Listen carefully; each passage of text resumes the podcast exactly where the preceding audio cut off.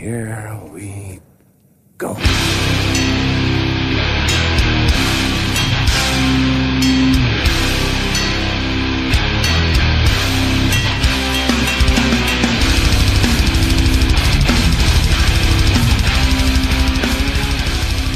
Ja men sådär då, nere på noll avsnitt 108. Jag Robin Lindblad sitter här med Danne Nätterdal, Kan du fethaja? David Olsson Tja. Och vi är så jävla redo för avsnitt 108 som ska handla om 108. Exakt! Ordvitspodden från Göteborg. Vi körde inte Mob 47 special på avsnitt 47 va? Nej, det gjorde jag inte. Jag gjorde 59 på 59. Ja det gjorde vi, ja men så, det? så Ja. lite Och Millencolin på 92. Så, Så- det här är ju återkommande tema. Verkligen. Ja, fan vad kul det ska bli. Gräva sig ner i det här Krishna Core-bandet. Det är nog 108. Ja. De Ja. sa ju något annat. Såg den där dokumentären. De, Alltså, de uttalar annorlunda. hmm. Skumt. Vad säger de då? Ja, jag kommer inte ihåg det. det är det som är problemet. Okej. Men det var ganska många i Sverige som sa 108. På 90-talet i alla fall, innan engelskan var liksom riktigt fullt introducerad till. Ja, men precis. Men de kanske sa 108. Ah, Jaha. okej. Skumt. Fan, det har jag, det har jag missat totalt. Ja. Ja. ni vet vilka vi menar i alla fall. Mer om det sen. Precis. Vi börjar väl som vanligt i feedbacklådan. Bena ut lite från avsnitt 107 som vi körde sist. Först kommer det in från Döda katten. Han mejlar oss, han skriver tjena. Det var sångaren Blomman i Troublemaker som fick en hjärtinfarkt på scen när de lirade på Halmstadpunken. Eh, och det är inte Troublemaker som har gjort låten Skyltsöndag i Gbg, utan det är Attentat. Eh, Det kan vara lätt att blanda ihop båda banden då de är från Göteborg, har en sångare med huvudbonad. Tänkte Eh, säga det, det är för att de har hatt båda två. Ja, Blomman har oftast keps och Jönsson i Attentat har oftast hatt. Och åldersmässigt så är de ganska lika. Eh, För att röra till det ytterligare så spelar Krippa numera bas i Troublemakers. Han har lirat bas i Attentat i 40 år. Tack för en bra podd, skriver eh, Yxan från Döda katten. Tack själv. Sen så fick vi ju in lite feedback på Facebook. Eh, Medan du letar Facebook-feed så kan jag dra listan här nu som börjar bli ganska lång på önskade och utlovade avsnitt Ja, kommande. Eh, vi har BMX special som ett eh, kontraavsnitt till skateboard-specialen. Eh, och det är väl kanske den sport som är näst mest förknippad med punk då efter skateboard. är det? Eller? eh, Eller fribrottning som Damien Abraham vill. Nej men alltså absolut. Jag försökte bara tänka mig vilka band som man känner har en sån här BMX affiliation. Det är Men- det vi ska lista ut. Ja, Vilka är exakt. garderobsmexare? BM, BMXare. BMX. ja, Eh, sen Obskyr, Use Hardcore med Tompa Rens. Depressionsspecial med Katja. just det. Tungt, men kanske behövligt. Eh, Syracuse. Och sen har vi musikvideospecialen med Erik och Kalle. Och den sen länge utlovade Norge-specialen och nästan lika länge utlovade Anticimex-specialen. Vi är snart uppe i 120 bara med dem. Ja, gött. Det finns en del i, i backloggen. Sist i alla fall så snackade vi om The Full Force Festival Incident. Det var ganska många roliga kommentarer på det avsnittet. Claes Nordin skrev “Jävla bra avsnitt, sjukt bjussig story, älskar Slither, älskar Hold It Down”. Det var ju två Daniel i Shelter från Sverige, roligt. Ramon skriver in, eh, angående Fish in a Gun Barrel så är det ju en klassisk No Effects play on words med ordspråket like shooting fish in a barrel som man säger när man ska påpeka hur enkelt något är. Jag Såklart. förstår. Mark skriver varje podcast som spelar Slither seglar automatiskt upp på första plats. Martin Egelio skriver eh, One Way avsnitt vore toppen. Se till att det händer. Eh, finns ju massor att prata om eh, också om man vill. Inside Out, Resurrection, The Judas Factor, Shelter med mera. Så att, bra där. Och, eh, Jonas skriver Fy fan, with full force, 1000 euro i sjukhusräkning och ett air casket med kryckor efter lite dans i tältet. Kom även hem med Death before Dishonor zip hoodie. Tre månaders sjukskrivning på det gjorde inte saken bättre och nej, räkningen betalades aldrig. Lyssna på nya Death before Dishonor. Alla låtar låter exakt som första låten. Men Nej, det borde, man borde ju lyssna mer. Det är ett jävla bra band. Vad fan hette den där första singeln? Det var ju något så här sjukt generiskt. Unfinished business. Ja, just det. Sjukt väntad titel. Det låg ju som någon sån här bästsäljare på Cortex, på CD. Jaha. Ja, men vart ligger Cortex? Tyskland. Exakt. Katja skriver, eh, jag och min dåvarande pojkvän drog ner till 20-årsjubileumfestivalen 2013. Att se Terror på största scenen kan ha varit den största besvikelsen i hela mitt liv. Mark, svara på det här då. Eh, jag var där det året också. First Blood inne i tältet, visst. Eh, hade ingenstans att sova, åkte in till city, sprang på två hardcore-snubbar med gemensamma bekanta eh, och smakade Fritz Cola för första gången. Kolan överträffade festivalområdet. Marcus Eriksson skriver, riktigt bra underhållande avsnitt, men sen är ju också Danne en historieberättare av rang. Sen skriver han, hur som, nyfiken som jag är så undrar jag om ni någonsin fick dela ut några postorderkataloger till tyskarna. Fan vad man blädd- bläddrade sönder och dreglade över de där postorderkatalogerna som ständigt pank tonåring. Eh, och som jag skrev i kommentaren, jo, fan, vi stod och delade ut eh, massa kataloger och det var ett ganska enkelt, enkelt jobb eftersom folk ville ha dem. Sen försökte jag även kränga på eh, folk våran nysläppta samlingsplatta, Punks Dead, You're Next. Ah, eh, för 5 euro med säljfrasen eh, If you don't like it you can kick my ass in the pit next year. Det gillar tyskarna, så sålde ganska många sådana också. Hur många ex gjorde ni av den? Tusen. Det är fan mycket alltså. Det är modigt. Ja, verkligen. Eh, det var ju jag och Boris som gjorde den, så ekonomikontoret hade semester. 25 to life höll med på den. Common correct. Hammar skrev eh, Chromax på 44 det var redigt ruttet alltså. En polare hade precis tagit körkort och vi åkte på det. Satt och hetsade honom i bilen så han körde fel. eh, sen skriver han Badbrallan, eh, legendarisk tysk. Han var ju där alla åren. Andra året var han enormt stor. Första året vi åkte tog, tog han stryk på alla band. Sedan lirade det Blood for Blood och han gav igen på nästan allt och alla. Han satt och grillade vid Linda och Gorans bil och vände sina köttbitar med en enorm kniv. Magi. Jag kommer fan ihåg någon som, från, på Pressfest som kokar korv i öl. Det känns som att det var samma, samma camp. Ka, ja, som kanske. satt och lagade mat mitt på den här lilla gångvägen. Lite kontraproduktivt för all alkohol försvinner. Ja, men det blir väl gott antar jag. ja. ja, jag vet inte. Öl är i sig billigare än vatten där så. Ja, eh, men det var väl ungefär det som var på feedback. Kul att ni skriver i alla fall.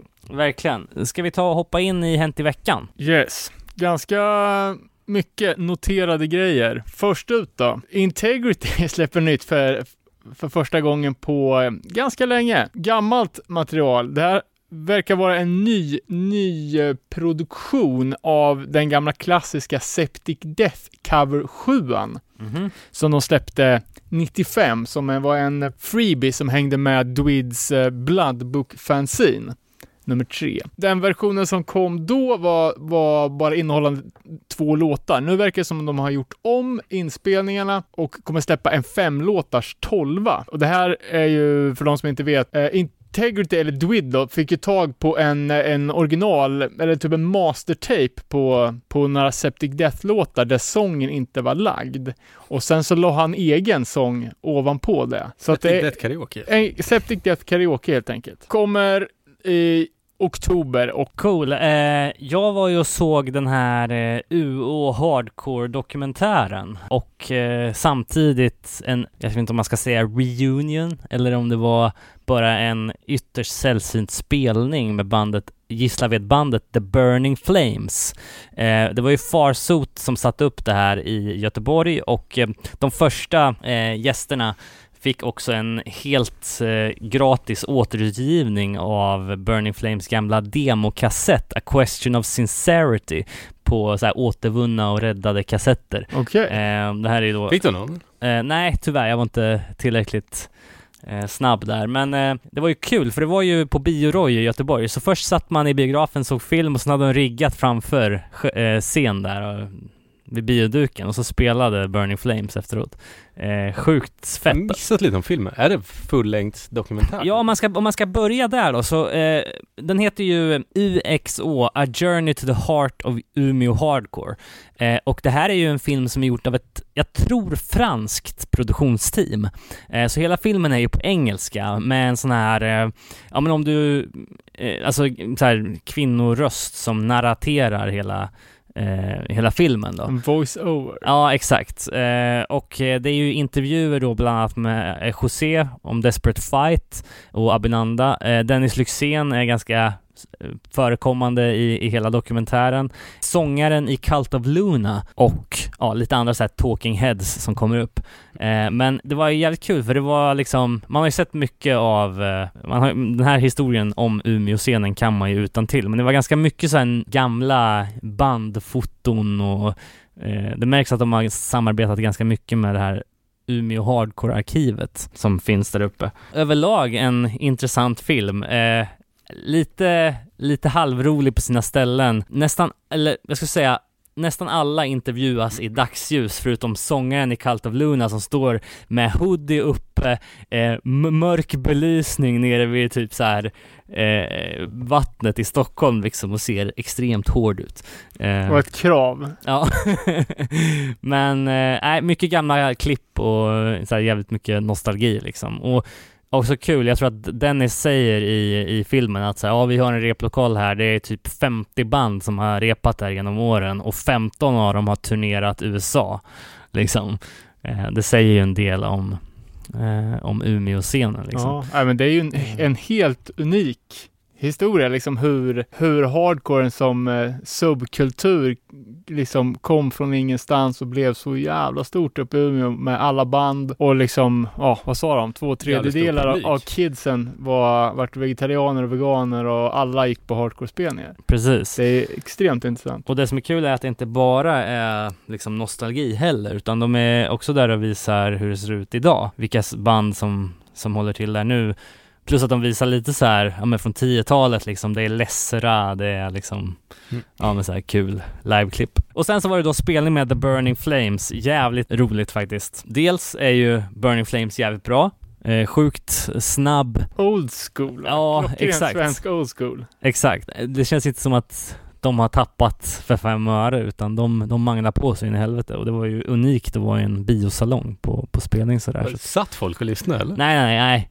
folk gick fram. Och sen så plockade jag upp eh, själv då en Good Clean Fun-tröja och en Common Cause Zip Hoodie för ja, totalt 60 spänn, så det var ju jävla deal. Var det hardcore loppis också? Ja, exakt. Fan, det, det var Ramon som sålde ja. av garderoben, men det var asgrymt. Det är fett också med dokumentären att den görs lite från uh, outsiders point of view. Ja men det, det, jag sa det faktiskt att det är så här, det är ju liksom ett tecken på hur mycket den scenen har betytt utomlands, att det kommer ett filmcrew från... Vadå, är de inte svenskar? Nej, de är från eh, Frankrike. Hela dokumentären är ju på engelska som sagt. Bjössigt också att fransmännen att prata engelska för en gång Ja, verkligen.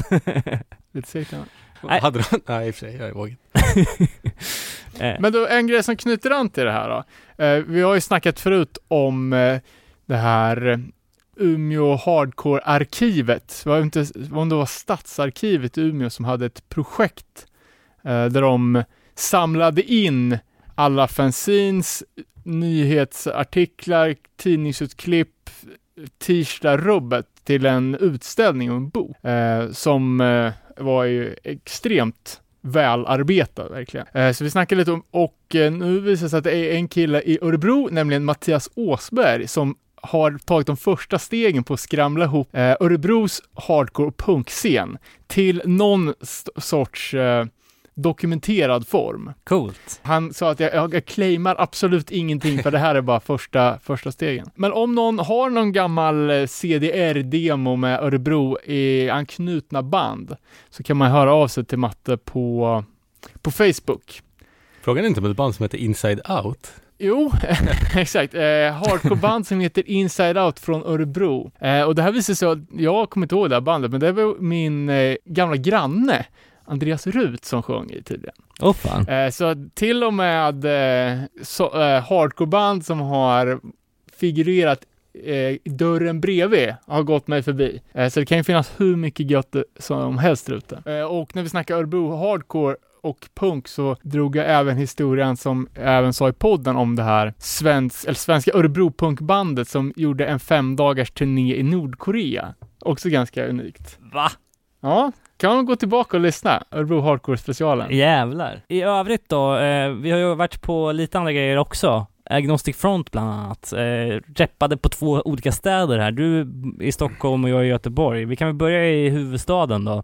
Eh, Line-up Obnoxious Youth, Shipwrecked och Agnostic Front. Ja, det här var det ju lite förbanden som var dragplåstret nästan. Eh, eller det var väl en jävligt bra kombo bara. Eh, och man kände väl att det här var ju liksom ett eh, ett gig som alla över 30 hade obligatorisk närvaro på, för det var ju en reunionfest av Guds nåde. Man träffar ju mycket heads som man har hängt på gigs med de senaste 25 åren. Obnoxious Youth, svinbra, körde bara snabba låtar.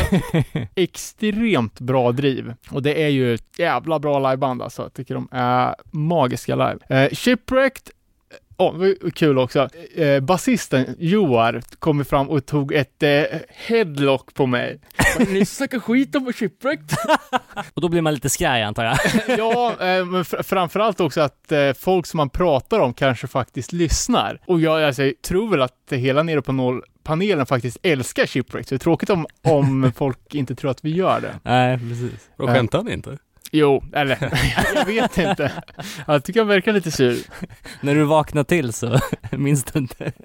Uh, men det kändes ju som att, alltså när vi kom till stället så var det vart var det? Eh, Kraken. Mm. Eh, tror man har möblerat om lite sen vi var där sist, för eh, lokalen var jävligt mycket mindre än på, på Coxbear. Okay. Men när vi kom dit så var det fan inte en käft där. Eh, och jag trodde ändå att vi höll på att bli, var för sena, så att man vart ju liksom, shit, nu är det kris liksom.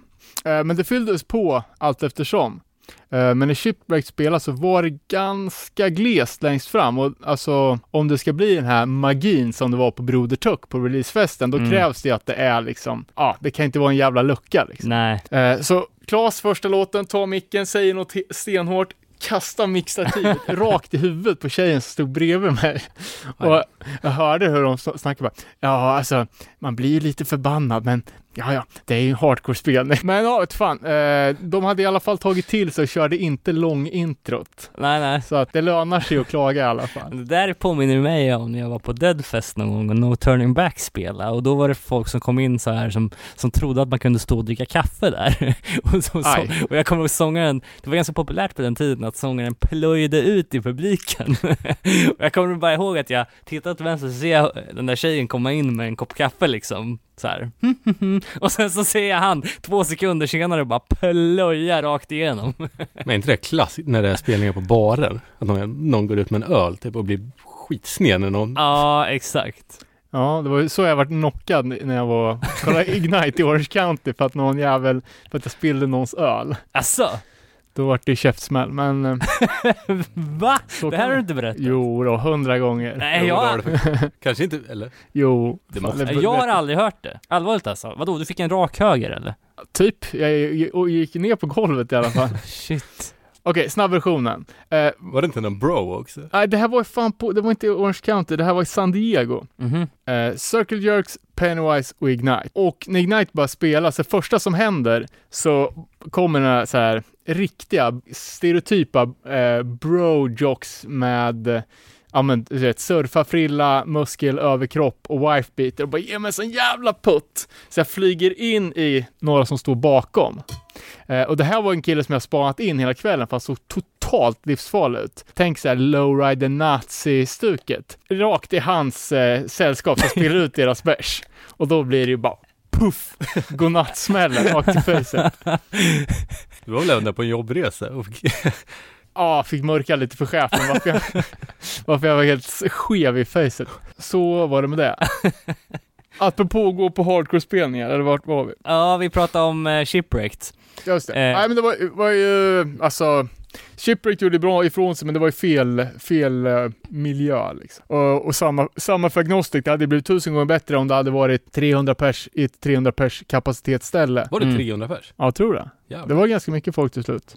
Men uh, Kraka rymmer ju tusen. Eh, och sen, fan, det var ju lite, äh, fan, lite skumt folk som, som eh, höll till längst fram. Kändes som att det var riktigt, ja men instegsbandet liksom, har dragit folk till sin första hardcore-spelning som showade loss liksom på Ah, dansgolvet med olika danser och ryggsäcksmors. Jag förstår. Men Agnostic gick ju på, efter ett mors-intro så gick de på med eh, Eliminator. Och då, alltså, då kändes allting rätt. De såg jävligt bra ut, det lät som man är van att de låter live. Det vill säga, sången lät inte alls. Nej, det var ju mycket och sen eh, det här klassiska Roger mickhanterandet att han eh, drar bort mikrofonen från munnen i slutet på varje ord så man inte hör någonting. Mm. Men han kan ju uppenbarligen sjunga. Hur kan han inte ha lärt sig sjunga live? Ja, det är väl en gimmick då kanske. Men sen så körde de fyra eller fem låtar som, fan, nyare låtar som inte varit den där riktigt magiska peppen. Men sen blixtrade de till med några Victim in Pain-låtar, de körde United Blood och ibland Mm. var det svinbra. Och sen Stigma, ipluggad eller ej, show var ju duktigt. Ja, det var ju fan extremt kul och alltså halva showen känns ju som, eller mer än halva showen är ju liksom Stigma get out there! Och så hoppar han ner i publiken och spelar gitarr i, i circle pitten liksom. Men det var lite samma sak eh, för mig då, jag var ju på Musikens hus, där är det ju eh, ganska tråkig scen. Den är ju jättehög, den är liksom minst en meter. Det är Eh, inte så stort väl? Nej, eh, jag tror att det var det var 37 biljetter kvar i dörren. Det var allt som var kvar, så det var ju ganska mycket folk. Först ut var ju Unjustified Violence från Gbg med, eh, känd från podden Kim Ahl eh, på sång. Eh, och det var ju jävligt gött. Det var ju så här old school hardcore liksom, eh, med stenhårda texter liksom. Sen eh, så gick jag ut för att spela Death by Horse. Behöver inte prata Och om det. vad fan de hade där att göra är ju en Ja, gåta helt alltså. otroligt alltså. Det var ju fan pinsamt eh, att de öppnar för Agnostic. Det är nästan som man vill skriva ett personligt brev till Winnie Stigma och be om ursäkt. Ja, verkligen. Sen då Agnostic, eh, kul att de gick på till den här onde, gode, eh, den fu- fule introt. westernrullen. Men de körde i princip samma, samma setlist, eh, kändes det som. Eh, jag gick efter Victim in Pain medlet där, för jag var tvungen att hinna med sista bussen hem. Så jag hörde inte om de spelade någon ny låt. Jo, men de körde en ny låt som, eh, som lät lovande. Ja, Jag säger, Helt ny, inte från förra skivan. nej, de har en ny platta på gång i oktober tror jag. Det är just det. helt sinnessjukt. Va? Winnie Stigma sa i någon intervju så här att han har släppt en platta var tredje år under 40 år. Eh, Så jag tror att det är han som har pushat på här nu för att kunna släppa, för att kunna hålla sin ratio liksom. För det känns ju verkligen inte som att det behövs en ny agnostikplatta. Snarare tvärtom. Ja, just det. Det som slog mig också under spelningen var hur jävla mycket trummorna lät, alltså vilken stor del av ljudbilden det var liksom live. Typ eh, dubbelpedalen var ju jävligt framstående, i alla fall i Göteborg. Ja, Men nej, det var kul! ja han är grym. Pokey. Ja, Eh, en annan kul iakttagelse är också eh, eh, andra gitarristen som förmodligen också spelar lead. Eh, har ju aldrig spelat i Agnostic Front, alltså back in the day. Han är väl hyrd knäckt för alla de stora hardcore-banden. Han har spelat med Stars and Stripes och eh, Blood for Blood tror jag. Men framförallt så kör han ju Agnostic Front och Slapshot parallellt. Eh, och det blir lite roligt eftersom han turnerar typ samma turnéplan med båda banden. Så ena veckan jag med Agnostic och I miss the old New Ja York. exakt, the greatest city of the, on the earth, world, in the world. Och sen veckan efter han tillbaka med, med Slapshot. Fuck New York, fuck New York. Men, De körde ju även, eh, en, jä- nu kommer jag inte ihåg vilken låt det var, men de har ju en del låtar på, på spanska mm, som han tillägnar alla latinos och så gjorde han lite sån, lite shoutouts till, ja, ja men Colombia, Peru liksom och jag bara, och jag är från Kuba så, här. så alla lat- latinos är i lokalen, vilket var ett eh, ganska bra gäng. mm. Liksom bara, åh, typ kände sig manade och gick längst fram och ja, men sjöng med på de spanska låtarna. Då var det fan magisk pepp alltså. Det var, det var höjdpunkten på hela giget. Se vad det blir av nya Agnostic då. De har ju redan annonserat att de ska vara på Persistence Tour nästa Just år i det. Europa tillsammans med Gri- H2O och Gorilla Gorilla Biscuits. Ehm, Riktigt tråkiga platser spelar de på dock. Ja, det var ju Tyskland och Tyskland. Annat då, nytt. Eh, jag såg att eh, Mass Worship som nu har signat med eh, Century Media har lagt ut en pre-order där på deras kommande självbetitlade platta som släpps 18 oktober. Det är alltså Century Media som gäller nu, inte deras eh, gamla skivbolag Isolation. Det är värt att kolla in. Jag vet också att de håller på att spela in en musikvideo, så det lär ju bli bra ställ där runt 18 oktober. Vidare så såg jag att eh, Sekt, supergruppen, har surprise-droppat en ny eh, platta. Sekt är ju medlemmar från Earth Crisis, Fallout Boy, Burning Love och Cursed och lite andra band.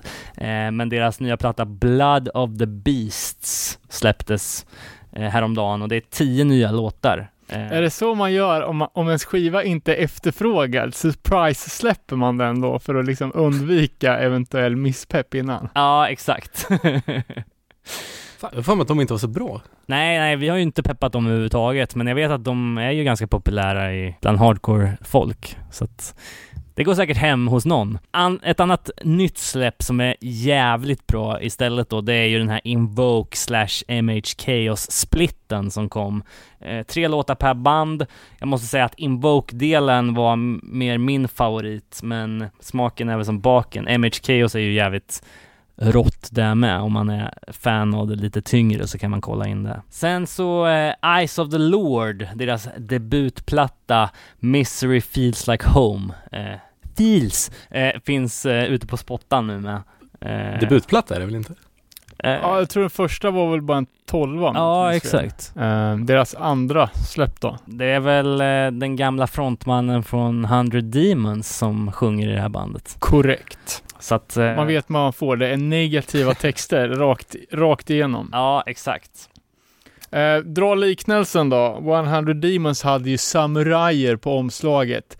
Eh, råkar springa på ett nytt band som också kör på samurajtemat och det är Bushido Code, någon typ av samurajterm. Jag lyckades inte googla mig till vad fan det betydde.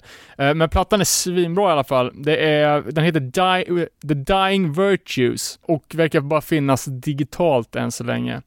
Eh, ett Albany-band som kör jävligt metallisk low tempo tung hardcore med eh, ja, mycket sköna solon och ganska sångbaserat. Värt att kolla upp. Nice. Sen har vi ett annat band som låter jävligt snarlikt, också low tempo sångbaserat och det är ju Black Soil, finskt band med Christian Liljelund, sångare från eh, eh, Down My Throat. Ett nytt projekt, de har släppt en låt tidigare tror jag bara och det här är en fullängdare som kom igår, det vill säga första september. Eh, plattan heter Volym 1, Papillon. Eh, och jag vet inte om den här handlar om den här 80-tals tv-serien Papillon. Vad fan är en papillon? Papillon är en fängelseö va? Där de skulle rymma ifrån här för mig. Det var någon, på en bok. någon som paddlade i land på en bananklase från den där, oh. Ja, jag vet fan, men det är ju en gammal rulle från Eller typ var det 93. Bangkok Hilton? Jag blandar ihop, jag kommer inte ihåg. Eh, ja, nej men... Den är släppt på Full House. Finns Den är släppt på full här. Fan vad de kämpar på. alltså. Svar ja. Eh, sen hade vi snackat om punkpussel. Jag kommer inte ihåg, det var du som sa det förra gången. Va- vilka band var det som hade släppt pussel?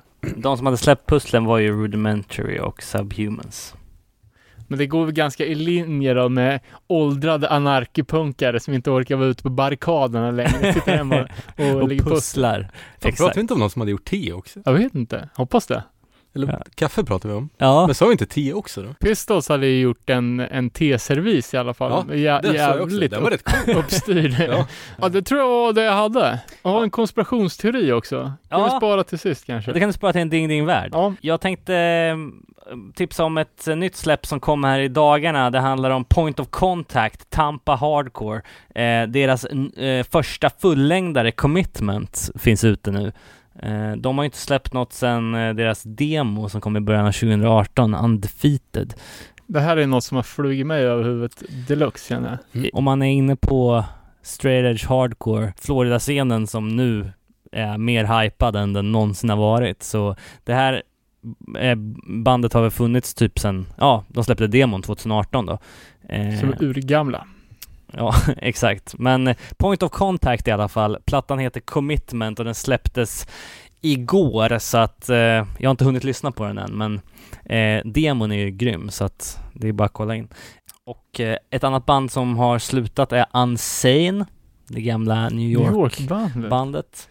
De De har de pratar jag idag om de har en video när folk slammar på skateboard, typ. Hmm, jag vet inte. Ja, nej. Eh, tråkigt. Eh, och sen så såg jag också att Lifetime ska släppa nytt, men jag vet inte fan om vi har eh, några detaljer på det. Ja, jag har också sett det, men inte riktigt eh, snappat upp infon. Men det vet ju folket där ute, så kan ju någon, någon som vet kommentera. Sen så eh, såg jag att de hade släppt line-upen till FYA Fest. FYA Fest som väl är mest känd för den här Face Rec introlåten eh, som heter FYA Fest Intro. Eh, som alla borde lyssna på. Fantasifullt. Ja, den är grym. Eh, men eh, det är en stenhård lineup. Integrity, Madball, Killing Time, Disembodied, Regional Justice Center, Odd Man Out, Method of Doubt, Division of Mind, Neverending Game, Inclination. Ja, mycket. Och det som är bra med det här, även om man inte kan åka, det är ju att eh, de sätten som läggs upp på YouTube efteråt, inte av Hate 56 utan från någon annan snubbe, eh, Hate 57. brukar vara jävligt bra. Sen så lite mer ny hardcore som är jävligt, eh, eh, som vi måste eh, bumpa här eh, i podden. Det är First In Line från Linköping som precis har släppt en sju låtars EP eh, som heter Wake Up som man kan kolla in. Det finns på eh, bland annat då firstinline.se. Men ja, för jag var lite förvånad. Det är ju ett urgammalt band, eller 90-talsband i alla fall. De Mm. gjorde väl, sp- var det Backside LKPG F.I.L Exakt, splitten Som, exakt.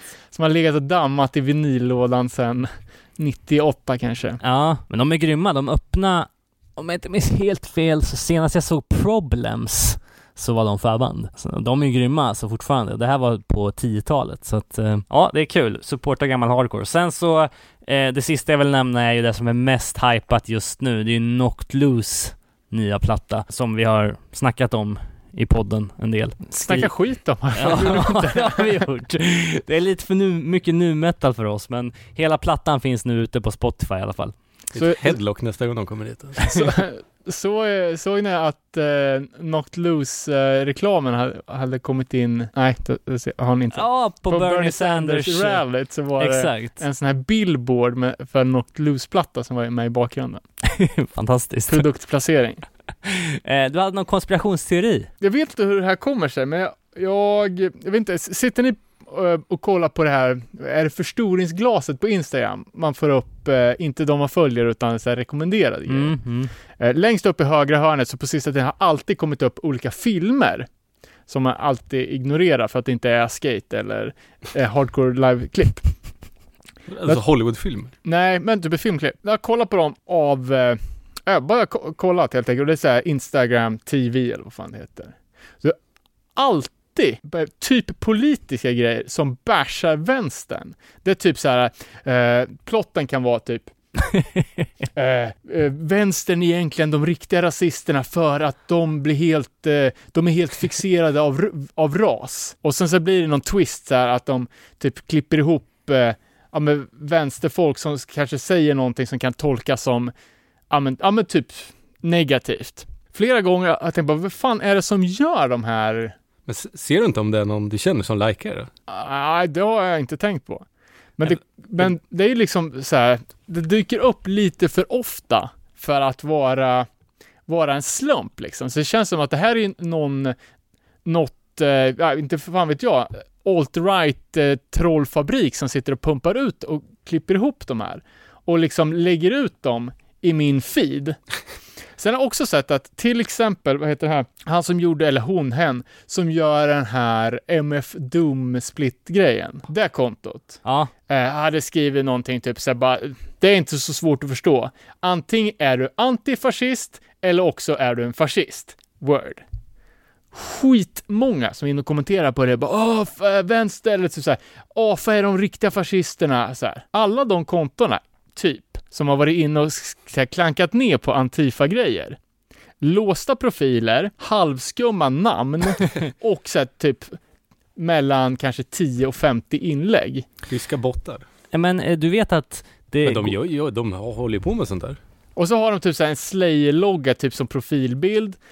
Alltså det känns ju som att hardcore-scenen bara blir infiltrerad. Det sitter någon, någon jävla Putin-sponsrad hacker och och eh, ja, men typ kommentera på hardcore-videos och, och liknande grejer för att så här, sprida misstro mot, mot Antifa-grejer och Ja men eh, det är ju... typ hypa One Life Crew till exempel. Ja exakt, som spelar live i helgen. Såg ni eh, klippet jag la ut i eftersnacksgruppen? eller? Nej. Eh, han tappar ju skon i första låten. Extremt kul, vi ska kolla på det sen. Men eh, jo, eh, det mest klassiska exemplet är ju, jag tror det var Kristinehamn kommun. Eh, det var ju eh, en, en snubbe som heter, jag tror att han heter, om han heter Kjell Höglund? Det är någon som heter. Ja, eh, som gjorde, han hade en sån här IT-program på SVT typ. Så här, kanske 2010. Och då, kö- då la ju han typ så Inte här, artisten Kjell. Höglund. Nej, eller han, han heter något... Alltså jag kan googla och se vad fan han heter. Ja, det är ju Kjell Eriksson heter han. Eh, även kallad Källeman. You know that face när ni ser honom kan jag säga. Vi känner honom. Ja, han är i alla fall tidigt i äh, sociala mediers linda, ska jag inte säga att det var, men det var kanske 2011. Eh, la ju typ så här 2000 spänn eh, och, eh, på att köpa följare till Kristinehamns kommun på Twitter. Kristinehamns kommun som hade typ 250 följare på Twitter vaknade en morgon och hade 45 000 följare på Twitter. Deras First vart väl nominerad till Grammis i samma ve- veva, vart de inte det? lätt panik på deras kommunikationsavdelning då. Och då panik, Panik, pepp. det var ju fan. Jo, men, men liksom vad fan har hänt liksom? Och, och grejen då var ju att han hade köpt så här, lagt in 2000 spänn på någon indisk tjänst liksom bara för att de skulle få massa följare på, på ett Twitterkonto. Så det, Jobbade han för Kristinehamns kommun eller gjorde han det här på Garv? ja, han gjorde det här på garv Okej. liksom. Eller Ehm, till prove a point kanske. Ja, exakt. Så att det är ju inte, alltså för oss, liksom att lägga in så mycket pengar för att trolla eller få liksom extremt mycket stöd för sin sak och, och få uppfattningen om att ja, men det här är en vedertagen åsikt liksom. För att det är många som gillar det här inlägget eller det är många som kommenterar på det här inlägget och tycker så. Eh, det är inte så svårt att som halvtät person i västvärlden lägga några tusen för att för att få den där effekten som du beskriver. Fan, man borde, det finns ju sådana sidor där man kan kolla hur stor del av ens Instagram-följare som är riktiga människor. Jaha, okej. Man borde ju köra det på alla hardcore-band alltså. Ja, verkligen. Vilket band är mest roligt att ha köpt följare? Edge to Ozzy. ja, faktiskt. Nej men jag, alltså man fattar ju att, det, att sånt där Men, men figurerar. det du pratar om, det är ju fan propaganda, Ja, krig. jo men precis. Men problemet är att det har hamnat i mitt flöde. Och jag tycker inte om det. För man Och- tror ju Men liksom att, ju, att, Ja, ha, att hardcore är en skyddad verkstad. Det tror man, vem fan... men både du och jag har gjort, har ju gjort sådana här annonser. I, Ja. i andra syften. Man väljer ju typ, det här ska riktas mot folk som Ja. gillar Madball på Instagram, typ. Ja, jo, men jag, jag, kan inte, jag kan ändå inte tänka mig att hardcore-populationen är en demografi som man vill sprida pro- propaganda mot. Men så kanske det är. Vi är ju trots allt liksom trendsetters hela bunten och eh, liksom om hardcore-scenen nu helt plötsligt blir men, men kollektivt mot Antifa istället för för, då kanske det blir en politisk vändning i hela, hela vänstern liksom. Man vet inte. Eller så läskigt i alla fall. Vi är ju ändå vuxna och vet vad vi tycker. Men 15-åringar, kanske, det är ju sådana de riktar sig mot säkert. Som gillar hatebreed. Ja, jo, men exakt. Det är ju ett Och så åker du med klockren hatebreed-publik. Där har vi det, den, eh, den mest manipulerade målgruppen. Hatebreed-fans. liksom, man tänker inte på det först man börjar fundera på typ så här, ja men hur mycket som på Instagram som faktiskt är styrt efter vad du trycker på och vad dina vänner trycker på liksom. Typ eh, Jo, man får inte se mig äh, direkt liksom, har jag kollat på typ några videos med gulliga grisar, då är hela jävla Instagram, det är ju bara grisar liksom. Ja, exakt. Eh, och sen ska man ju ha också så här en obehagskänsla när man sitter och pratar med någon om typ så här, om jag behöver köpa en ny laddkabel till telefon. Och sen vad, vad kommer det för reklam på mobilen? Ja, för en laddkabel liksom. Det var väl första, första pucken i en ding-ding-värld då får man väl säga. Eh, Det är inte ens din värld, det är, för, det är ju på riktigt. ja, sant. Nå, något annat som är jävligt ding då. Eh, om det där inte var ding så är det fan ding att All Out War ska turnera i Europa nästa år, men det är Mad Tour Booking som, som eh, de ligger på, så det kommer ju bara bli en Tysklandssväng. Undrar vad de kostar nu för tiden. Det känns som att All Out War-aktien har ju aldrig legat högre, Nej, på gott och ont. nej verkligen. Såg ni förresten att jag fick min eh, All Out War-demo validerad av både Jesse och Mike Score på Instagram. Eh, jag gjorde en uh, shoutout i blindo och la upp en, för, för jag har en demokassett eh, som eh, inte finns på Discogs. Så bara, är det någon som vet någonting? Då skrev ju Mike Score bara, ja ah, men det där är, den där är legit. Det är en promo från 97 som vi gjorde inför första plattan. Mm. Eh, och sen skrev Jesse att bara, ah för fan den där är äkta, den gjorde jag hemma i min mammas källare.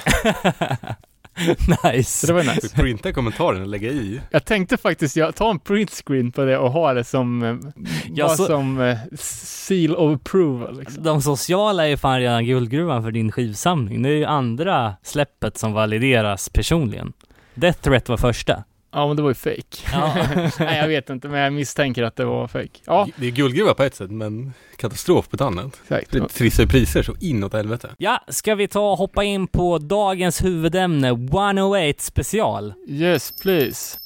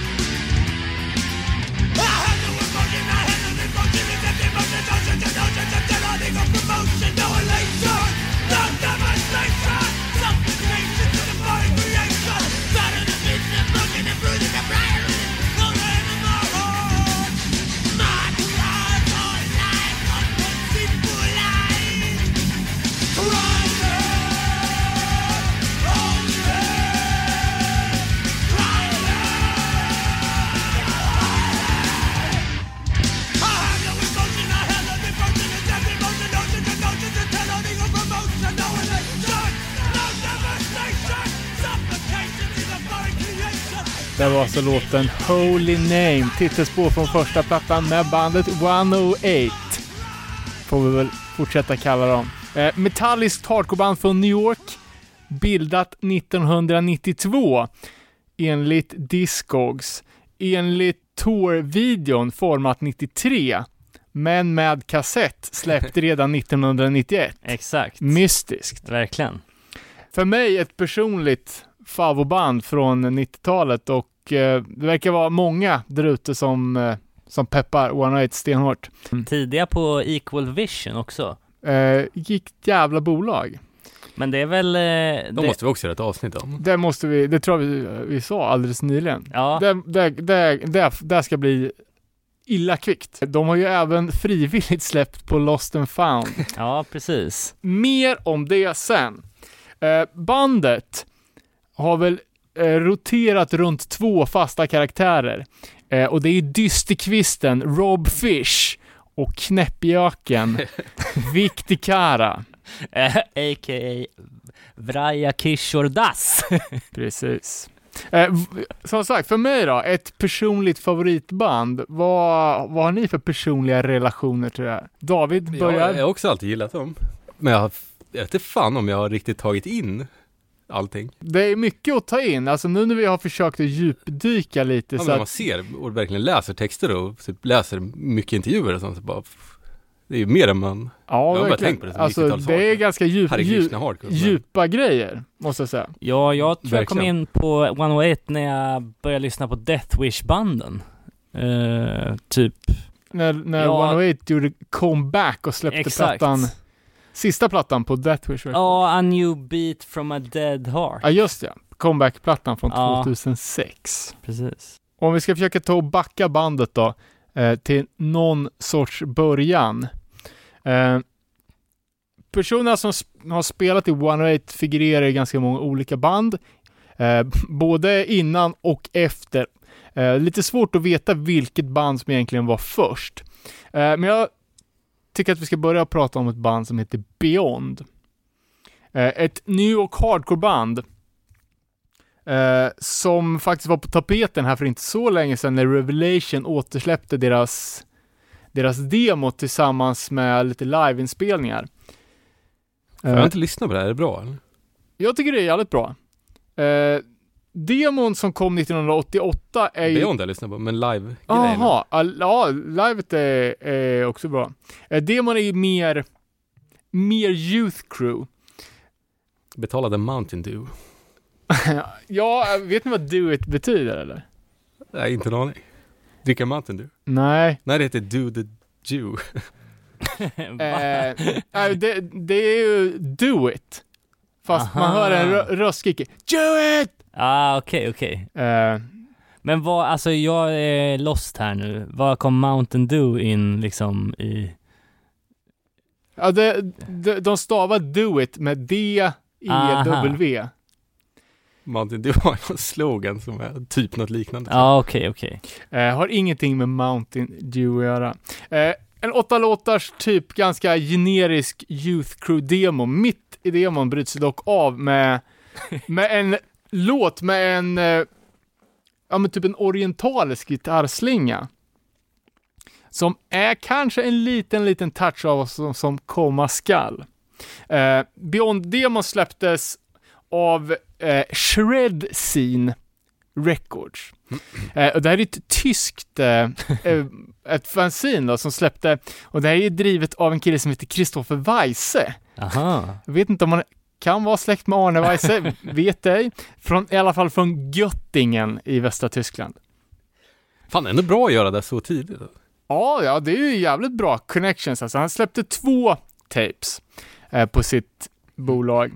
Eh, det första var då Beyond-tapen eh, och det andra var med ett band som heter Reach Out. Där vi finner en Victor Kara på sång. Eh, Reach Out har jag aldrig hört, det är lite svårgooglat. Eh, men jag vet att bandet bytte namn till Direct eh, och är med på den här klassiska New Breed tape comp eh, samlingen som släpptes. Eh, men det var efter att Vic hade lämnat bandet för att ansluta sig till Beyond. Men Vic verkar ha en fäbless för band som innehåller out. Ja, det är mycket möjligt. Det har jag inte tänkt på. För han har också lirat i Inside Out. Stämmer bra. Inte Örebrobandet. Nej. Och inte New York-bandet. Eh, Beyond i alla fall, eh, med Vic i truppen, den här gången på bas, Mm. eh, släppte plattan som heter No longer at ease. exakt. Eh, på Den är fan bra ju. Ja, på Combined Effort Records. Eh, och Combined Effort var ju skivbolaget som låg liksom politiskt emellan straight edge skinhead-bolaget Revelation och den klicken som hängde på det mer anarkopunkiga ABC No Rio. Mhm. Eh, och det är ju en jävligt solid platta. Jag tror den har typ f- 15 låtar. Eh, och eh, det är jävligt bra produktion. Jag tror, jag tror faktiskt att den här skivan är hemmainspelad på något ställe. Eh, Jag, vet inte, jag vet inte varför, men jag tycker omslaget är snyggt. Eller? och omslaget, det är bara en bild på en stad i svart. Ja, men typ Beyond är skrivet snyggt. Att yta är högre på något sätt. Eh, det har jag faktiskt aldrig tänkt på. Det är inte Berthold City typsnitt. Nej, den är inte. Eh, Men plattan är, den är jävligt välproducerad och det är eh, fett ljud. Men framförallt så är låtarna, eh, några låtar är kvar från demon. Eh, och de, de har liksom ett mer klassiskt, eh, tidstypiskt sound. För plattan kommer eh, 89, mitt under brinnande Youth Crew-våg i New York. Eh, men några av de nyare låtarna har, alltså vad jag skulle säga första liksom antydan till post-hardcore. Mhm. Alltså, och tänk de banden som kanske fem år senare blev Quicksand och eh, i viss mån Burn och Orange 9mm. Och det är ju en stil som jag absolut inte gillar. Eh, men så länge som det håller sig på bara antydningar till post-hardcore eh, så tycker jag det flyger. Eh, Men här är det ju noll. Det är inga Hare Krishna här. Nej, och Vic berättar ju senare om, om tiden i, i Beyond att, att eh, det verkar ha gått ganska bra för dem. Eh, och att han typ, så, eh, så, när han ser tillbaka på tiden så skäms han över att han njöt av sina framgångar på ett, alltså ett icke Hare Krishna-mässigt sätt. och i bandet eh, så fanns eh, Alan Cage som senare spelade trummor i Burn, eh, Tom Capone från Crippled Youth eh, och även Bold på gitarr. Vic spelade ju som sagt bas eh, och Kevin Egan, en annan scenpersonlighet som senare startade 1.6 Band. Det var ett ganska kortlivat band, jag tror de bara, bara fanns i två år. Eh, och ganska snart så anslöt sig Vic till ett eh, LA-baserat band, nämligen tidigare nämnda Inside Out. Inside Out, som visade sig ha funnits ända, från, ända sedan 1988. Mm. Eh, Inside Out var ju superstora med plattan som, slä, eller sjuan, No Spirit of Surrender, som släpptes av Revelation 1990. Det är det enda de har släppt också väl? Ja, de gjorde inte ens en, en demo. Har väl också fått jävligt mycket post-revival efter vad vissa medlemmar gick och gjorde efter Inside Out. Tänk Eh. på frontmannen Zac de la Rocha. Ja, och jag, tror att det här var lite av ett All-star-band redan då. Jaha. Eh, vi har ju två personer, Zac och en, en till som hade, hade lirat i Hard Stance och vi har ju Alex Barretto som spelar med Shane of Strength i ungefär samma veva. Men eh, alltså, när jag kom in på hardcore, alltså på mitten av 90-talet, så var ju Shane of Strength ett av de absolut största banden. I, ja, men det kanske var eh, Youth of Today, Judge och Inside Out. De var liksom nummer ett, två och tre. Men jag Mm. upplever inte att för dagens kids som kom in på hardcore liksom sent 2000-tal, att Inside Out är mer än ett av banden i, i mängden. Vad, vad tror ni? Ja, Nej, det tror jag också. Det är, ju- det är ju situationstecken bandet där Rage Against the Machine-sången spelar. precis. Eh, Men om jag kom in på Hardcore lite, lite senare då? Det var, för mig var det ju inte det. Det var inte det? Nej.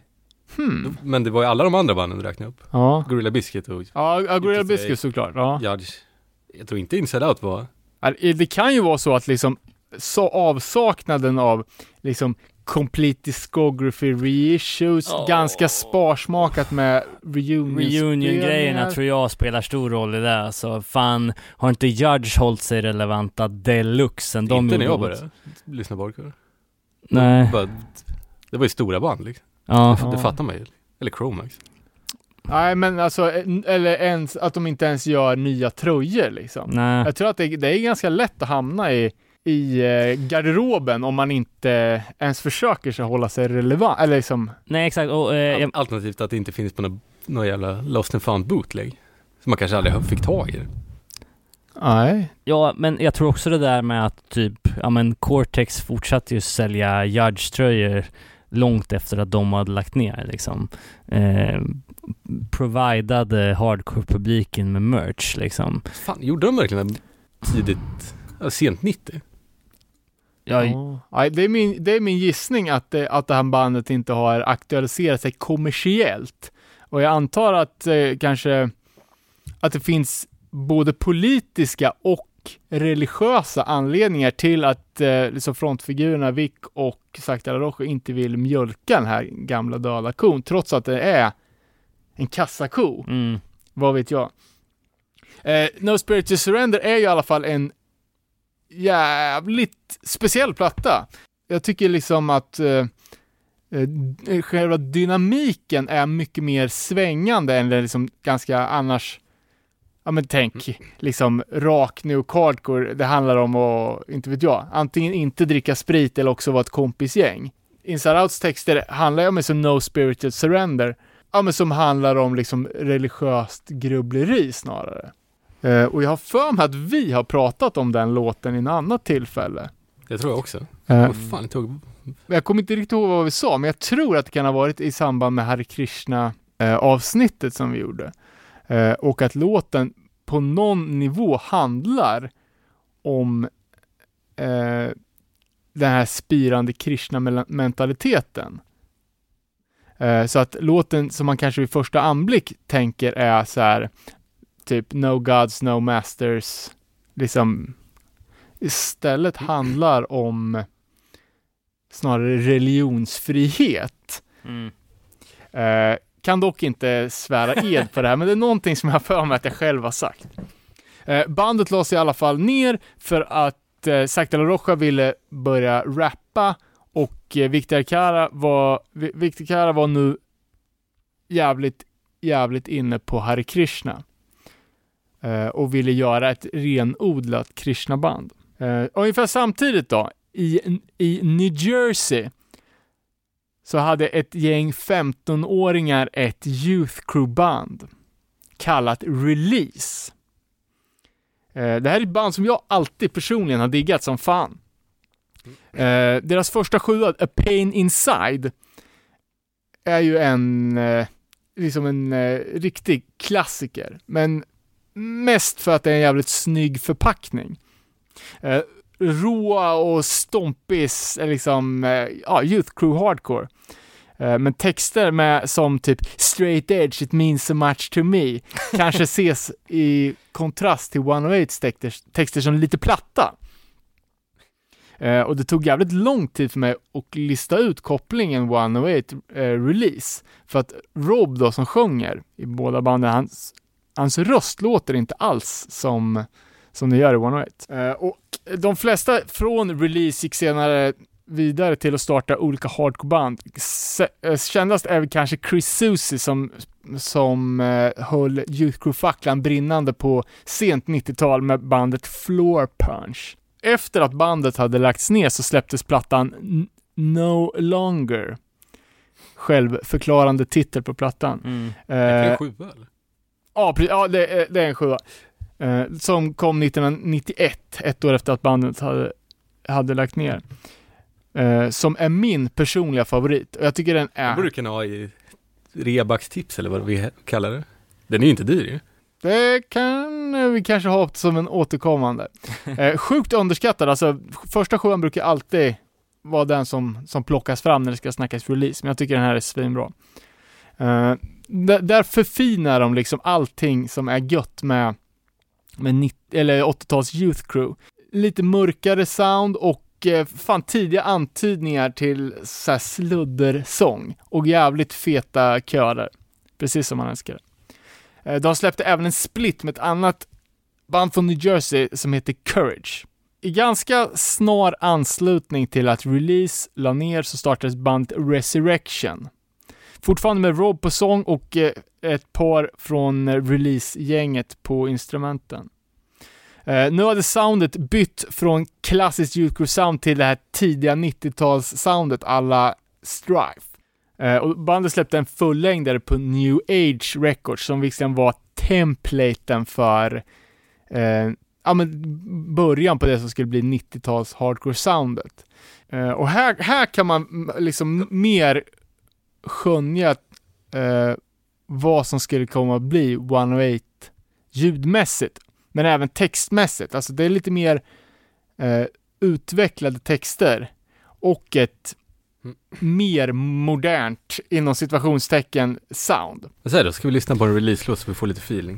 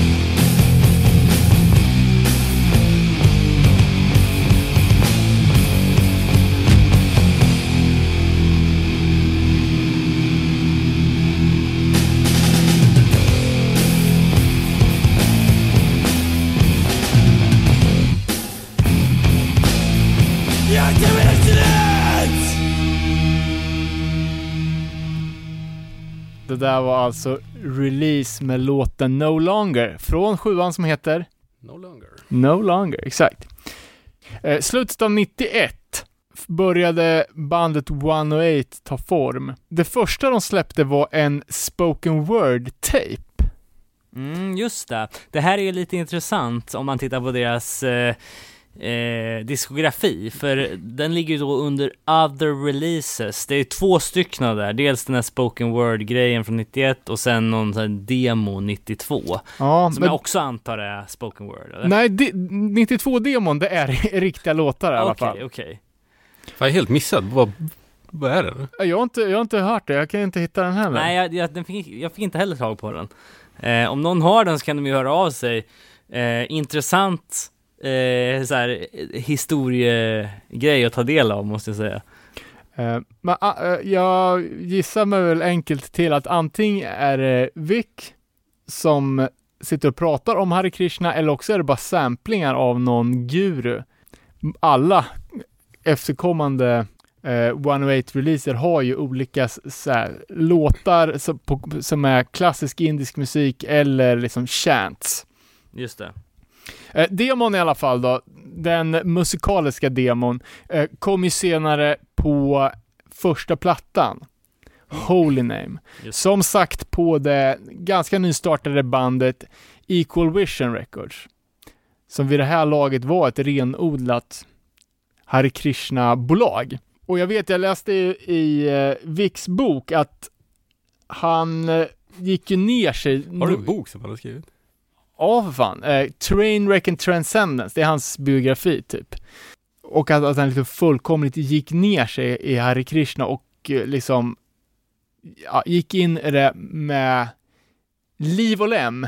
Ja, jag tycker det märks i texten till Holy Name, framför allt. Alltså så här, att det är, på ett sätt så är det sjukt mycket mer, eh, vad ska man säga, det är så här poetiskt på ett sätt som, när jag lyssnar på 108 så, liksom, ja visst, jag kom in på 108 jävligt sent, men jag hade inte hört någon hardcore innan det som var så himla, alltså så här poetisk, också så här deprimerad, men ändå med målsättningen om att vara förbättrande på något sätt. Och också helt inne på en enda sak liksom. Eller helt centrerad kring. Ja, ja, Liksom. ja verkligen. På det sättet som, Nej, Jag håller fan med om att det är li- lite, inom situationstecken, deppigt.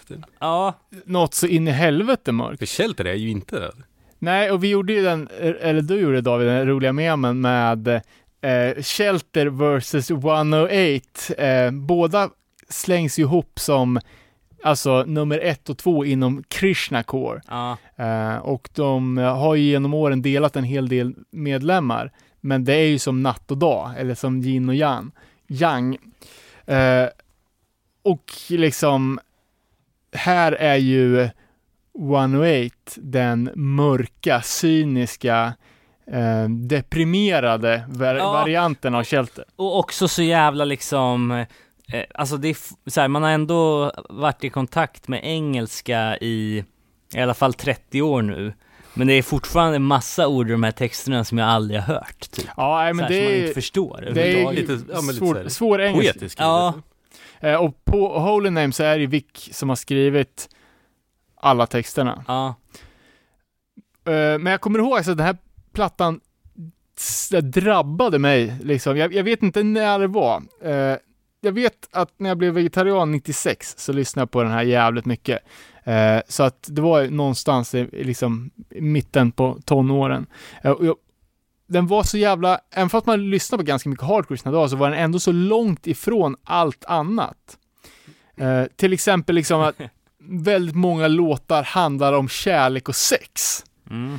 Alltså det har man ju bara, ja, antal hardcore-låtar på de, temana är ganska få. Det är skrivet typ av propaganda eller kanske någon NoFX-låt. Eh, Men då är det ju i komisk kontext liksom. Ja, men typ. Man skämtar om det, liksom. Eh, men här är det ju verkligen, alltså, det är ett jävla djup i texterna. Ja, det jag menar att man inte tog in när man var liten. Men det kanske du gjorde. Eller liten, yngre. Nej, men man fattar ju liksom ändå vad, vad det handlade om. Men man eh, kanske inte liksom, eh, eh, som när man sitter här nu, så här 30 år senare och liksom detaljstuderar texterna. Men var ju ändå liksom mil ifrån ung och kåt liksom. Mm.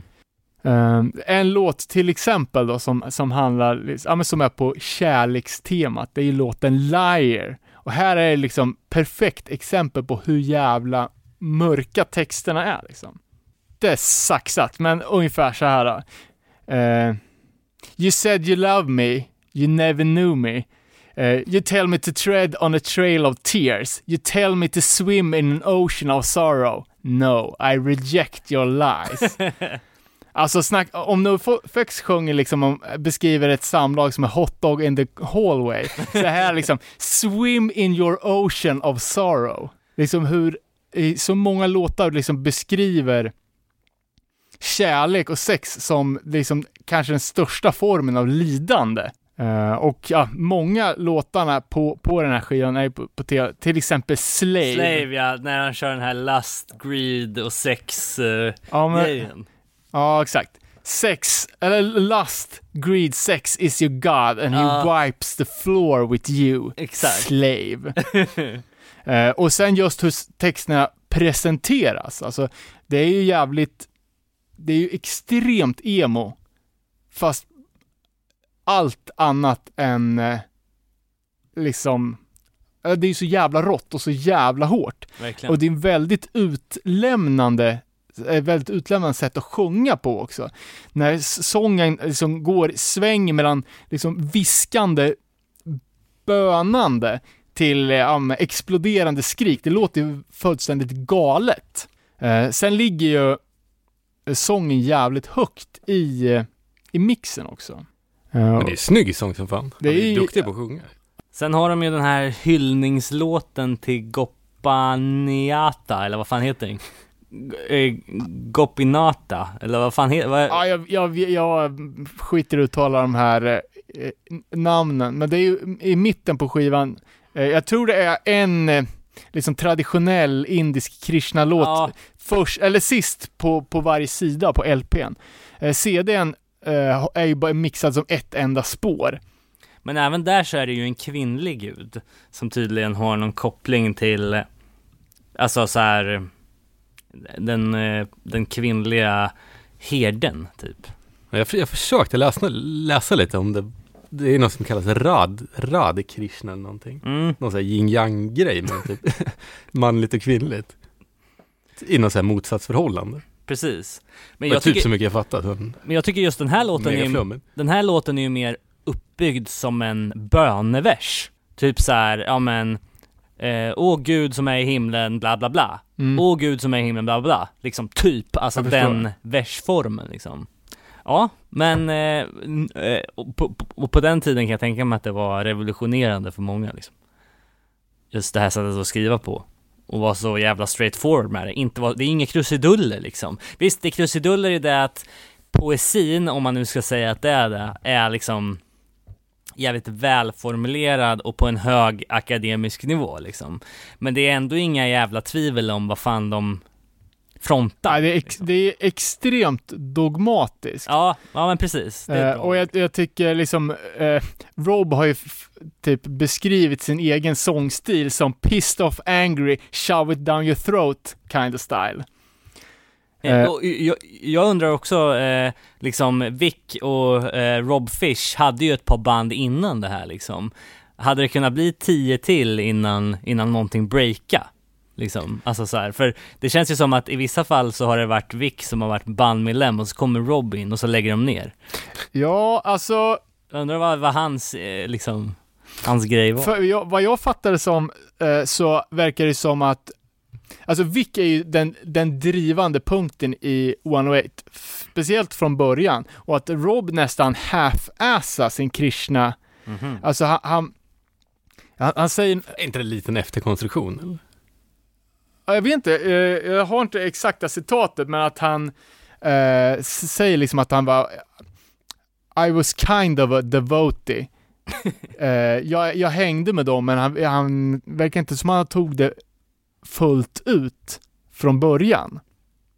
Men samtidigt, Men det är ju alltså, det är ju ganska... Men, men då är det ju inte så att det är några 30-åriga akademiker heller. Det är ju hardcore kids. Ja.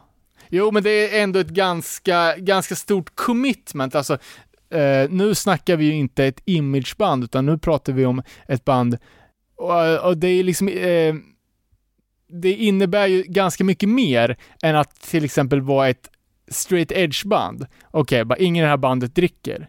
Men nu snackar vi alltså om eh, munkliv, eh, liksom, leva asketiskt, du ska, får inte ha några personliga tillgångar, du ska helst liksom bo i tempel. Eh. Men, men alltså, det, det blir ju också extremt tydligt om, liksom när man är i ett band med en person som Vic, liksom, som som liksom eh, flyttar till Indien och ska bli munk liksom. Det går ju att vara krishna ändå. Utan att göra den resan. Ja, Men jag läste en intervju med så det... Fish där han sa att han hade drivit ett tempel själv. Ja. Det gör man inte om man...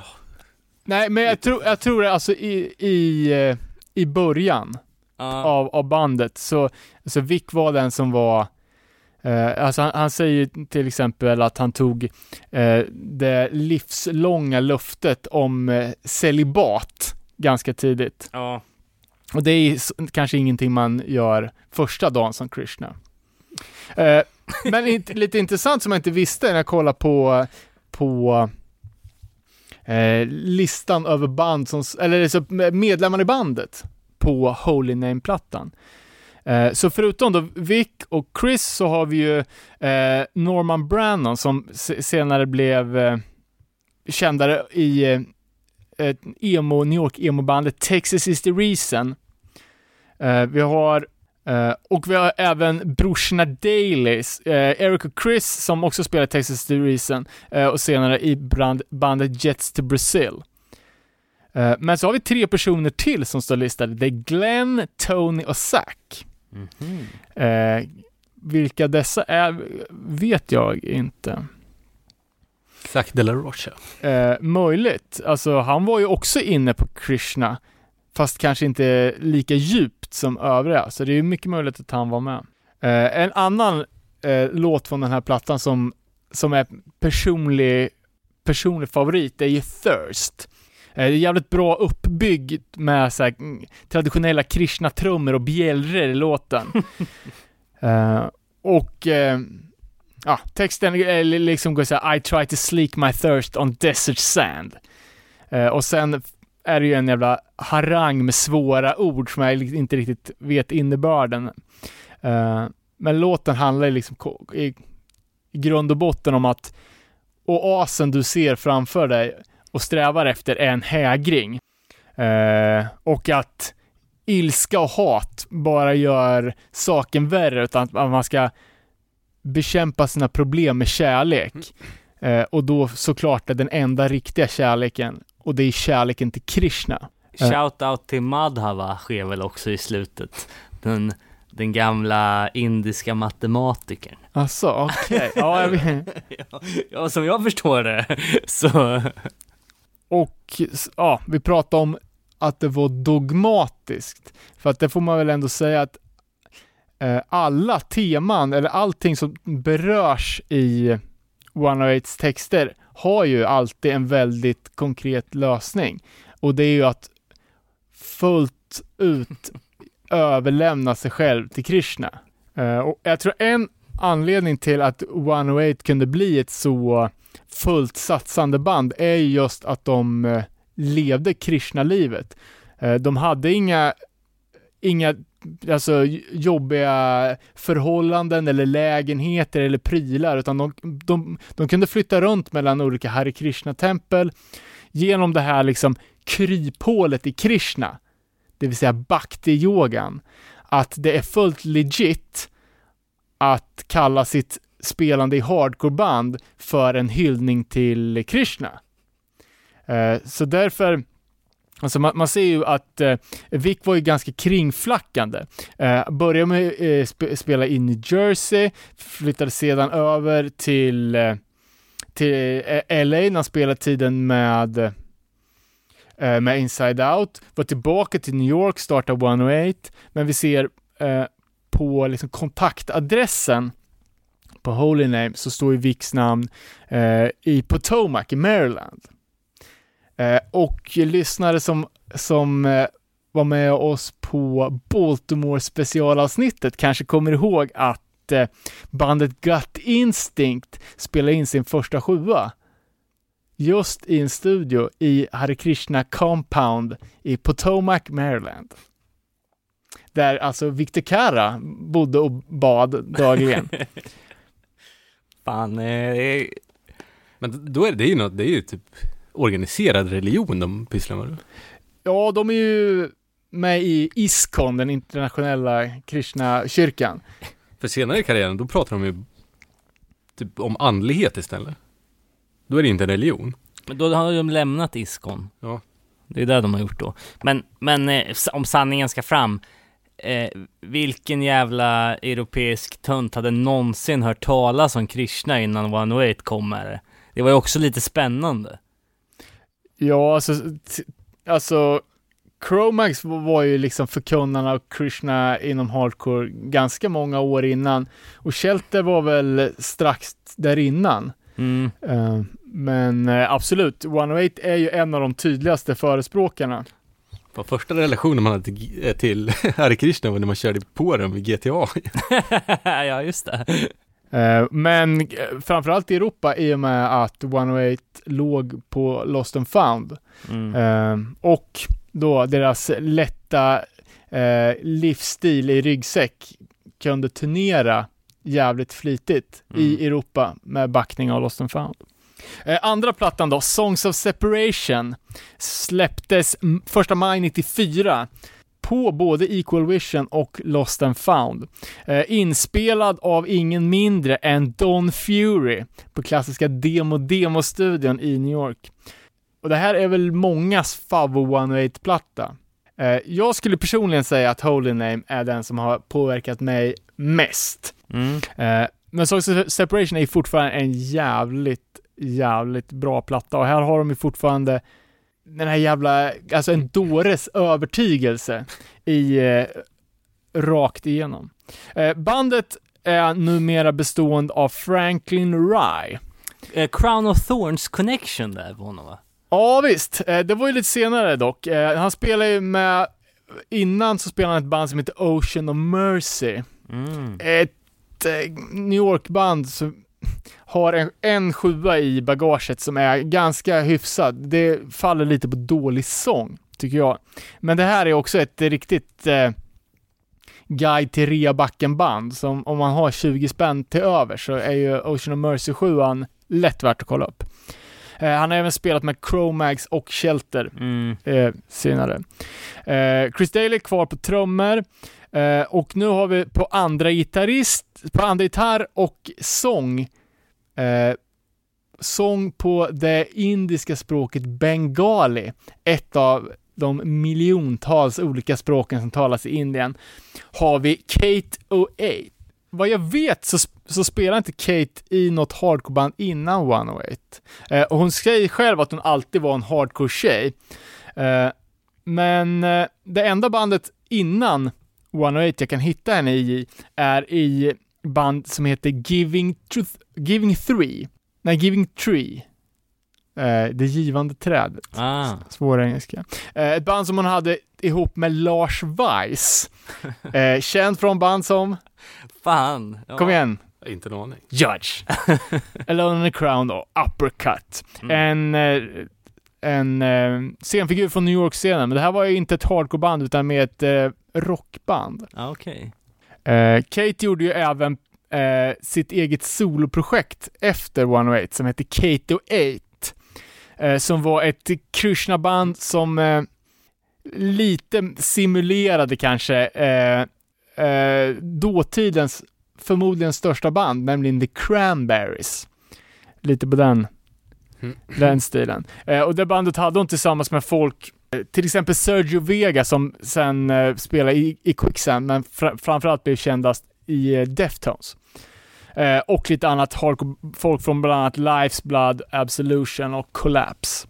Ja, och textmässigt då? Songs of Separation. En våldsam attack på normalt liv. Och det är väl eh, också första spårets, eh, liksom det är från låt ett på den här skivan. Som heter just Opposition. Precis. Här är liksom, de gör upp med 9 till 5, hyckleri, kött, tv, sexualitet, religion, filosofi. Hade de bara fått in sport och Melodifestivalen så hade de liksom sågat Svenssonlivet vid fotknalarna. Eh, men det var intressant eh, som stötte på att eh, när jag läste det finstilta i konvolutet, att det gick att beställa ett 40-siders fanzine som gick igenom låtarna. Ja, Det hade man ju läsa. Ja, och jag lyckas hitta en nedladdningslänk till det här.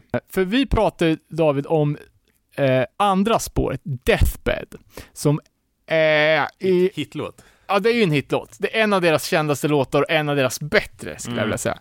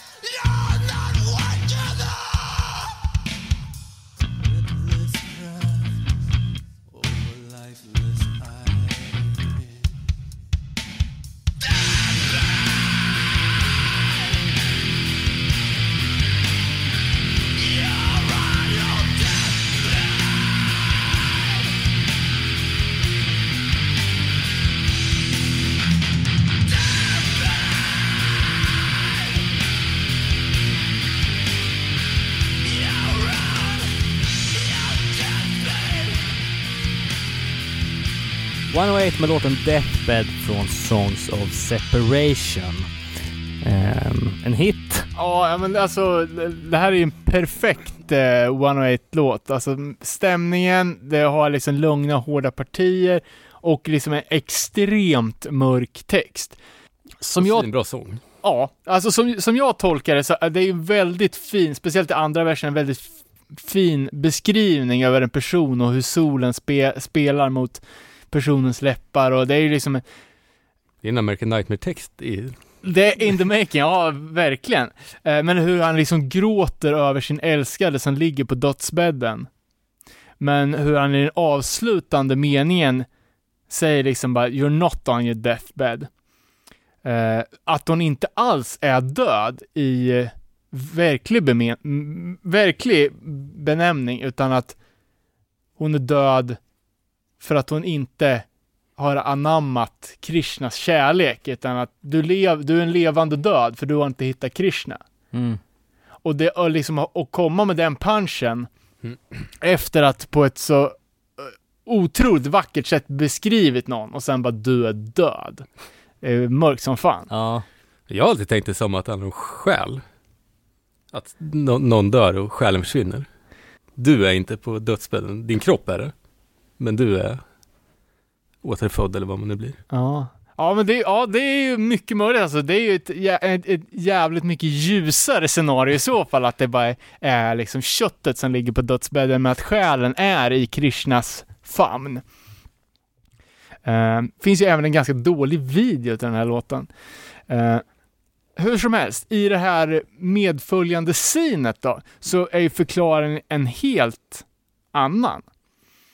Eh, och det handlar ju om eh, Vicks tid med sin farfar, som låg för döden. Och eh, låten är uppbyggd så att de viskande delarna i texten, det är Vicks tankar och de skrikna delarna är vad som händer på riktigt. Mm. Så det här är liksom bara Vicks reflektioner mellan liv och död.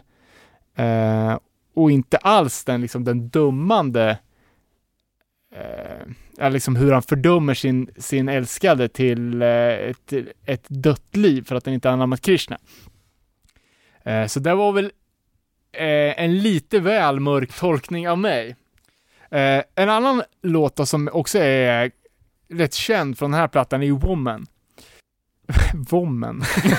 eh, en annan låt som är ganska känd från den här plattan är Woman. Som eh, jag heller inte hade riktigt, riktigt kläm på vad den handlar om. Eh, men den handlar eh, liksom om att, ja, så kanske man kan säga. Eh, den handlar ju om hur män gör sig själva till gudar över kvinnor genom könsmaktsordningen. Eh, och Rob säger själv att han hatar den här låten till en början för att den påminde honom så mycket om hans egna relationer till kvinnor. Ja, han sjunger ju i Solitary-låten om att, då säger han ju 'Masculinity beats the living hell out of me' Eh, Så det känns ju som att han har en ganska komplicerad relation till det där. Ja, Jag eller läste någon intervju, då pratade han om att han hade varit utsatt för övergrepp och sånt när han var barn. Mm, Att det är typ en sån grej som, okej. Ja, det kan ju alltså att förespråka celibat det ligger nä- nära till hands. Mm. Nej men alltså inte, på, inte att han är någon sån vandrande metoo-gubbe, utan på den, det sättet han hade relation till kvinnor att eh, när han hade sex så hade han inte det för att njuta själv, utan han ville att kvinnan skulle njuta så att hon därefter skulle se upp till honom. stod det så i synen? Ja, och att han nu liksom, alltså han föraktar det, det sättet att göra sig själv till en gud. Eh, Just det. och att alltså alla låtar typ handlar ju om, om att inte ha sex. Mm. Eh, och kanske det är liksom den mest kända eh, 108 one-linen är ju från låten Thorn. Där liksom punchen är ju sex is suffering. Um, och Rob sjunger bitter som fan liksom hur att, ja men att han, ja, chew the thorn liksom. Han, han tuggar på han tuggar på törnebusken och det blir inte godare, det bara gör ondare och ondare. Liksom. L- lite det hade liksom som tes det här att, att han var en surpuppa. Ehm, eh, det har jag ju hämtat eh, dels från lite olika intervjuer som finns ute, eh, men också hans del i i New Hardcore-dokumentären, när han med sin läspande röst säger I always hated those people who always had a smile on their face, 'cause it's like fake. Så han är ju bitter Deluxe. som fan alltså. Eh, Men jag tänkte ändå att eh, jag skulle, eh, man vågar ju aldrig höra av sig till de här personerna face to face. Jag tänkte jag ska i alla fall få en frågestund med en person som har haft förstahandskontakt. Och det är ju José Saxlund som har eh, genom året turnerat med, med 108. Ja, men han beskriver dem som jävligt trevliga allihopa och att eh, Rob var tvungen att flyga, flyga in och ut från turnéren på grund av lite privata grejer och det kanske hade något, eh, någon påverkan på humöret, men någon surpuppa var, var, var att ta i. Eh, sen skrev han att eh, Vic var väldigt inne på Hare Krishna på den tiden och hade ingen som helst distans till det. Eh, och det tyckte han att Rob kunde ha ibland. Inte för att man måste ha en distans till en tro om man inte vill, men för mig blev det lite för mycket. Okej. Eh, och José skriver ju i den här, eh, det är väl första numret av Law and Order, så pratar han ju om den, den touren och då säger han ju att eh, Vic var lite för Krishna för sitt eget bästa. Eh, sen frågar jag om de, om 108 inte blev sura på, One, eller på Avinamda för att de inte var 100% äkta Krishna. Eh, och då säger han att nej, det tycker jag inte. Vi var ju rätt så mycket 0% äkta Krishna, men de blev inte sura för det. Och sen frågar jag om eh, liksom hur mottagandet blev när på, på turnén nu som var liksom en, kanske en av de första som blandade religion och hardcore för en stor del av publiken om de inte fick något mothugg, liksom någon protest eller flyers eller ja, Typ som att folk kastar bärs på Earth Crisis eller surströmming på Carcass. Och just religion är ju as super no-no inom punk, Ja. känns det som. Men inga sådana eh, såna incidenter och det var ju lite konstigt. Eh, sen frågade jag även efter om det hände något annat anmärkningsvärt på turnén. Eh, då skrev han att vi glömde deras trummis på en mack på ett regnigt England en gång. det var inte så kul då, men så här i efterhand kan man ju flina åt det. Eh, sen minns jag en incidens när några i vårt band hittade en kvinnlig skyltdocka som de bäddade ner i Vicks säng i turnébussen. Då blev det ett jävla liv. Han blev fly förbannad. Det kan jag skratta åt än idag. Eh, Sen var det ganska kul när vi var ute och promenerade i någon liten stad i Tyskland innan ett gig och hitta ett gäng scouter på lägerresa. Eh, det slutade med att Rob och Per eh, fick alla scouter att eh, sjunga Oasis-låtar och sen bjöd vi in dem till gigget. Jag tror de kände sig ga- eh, ganska malplacerade på ett hardcore-gig. Eh, sen frågade jag även alltså, eh, Shelter-gigget i Umeå blev ju legendariskt och hur blev mottagandet av 108 och vilka, ja, vilket av banden som man gillade mest själv. Som jag minns det så var mottagandet av 108 bra. Skillnaden var nog att Shelter var, var det första lite större hardcorebandet från, Um- från USA som vi fick, till Umeå och hypen och förväntningarna var rätt stora därför. Eh, och jag tror att det hade en del att bidra med till att det blev en legendarisk. Vad skulle du säga är det som gör 108 unika och bra? Eh, att Vicks riff går ju inte att blunda för. För mig var det lite bandet som delvis fyllde hålet som Inside Out lämnade efter sig eh, efter att bara gett ut en LP, en, en, EP. Eh, och det kan man väl förstå på vissa sätt ja. att det är ju ganska tydlig fortsättning på, på det liksom lite mer dramatiska hardcore-låtskrivandet. Ja, vad fan, är det inte så att eh, typ, eh, eh, var det inte några Inside Out-låtar som, som 108 tog? Och Kanske gjorde därför till... var eh, med som credited på skivan. Ooh. Ja, jag tror faktiskt det. Eh, Jag, jag tror att det var så att till exempel då, eh, vad heter den?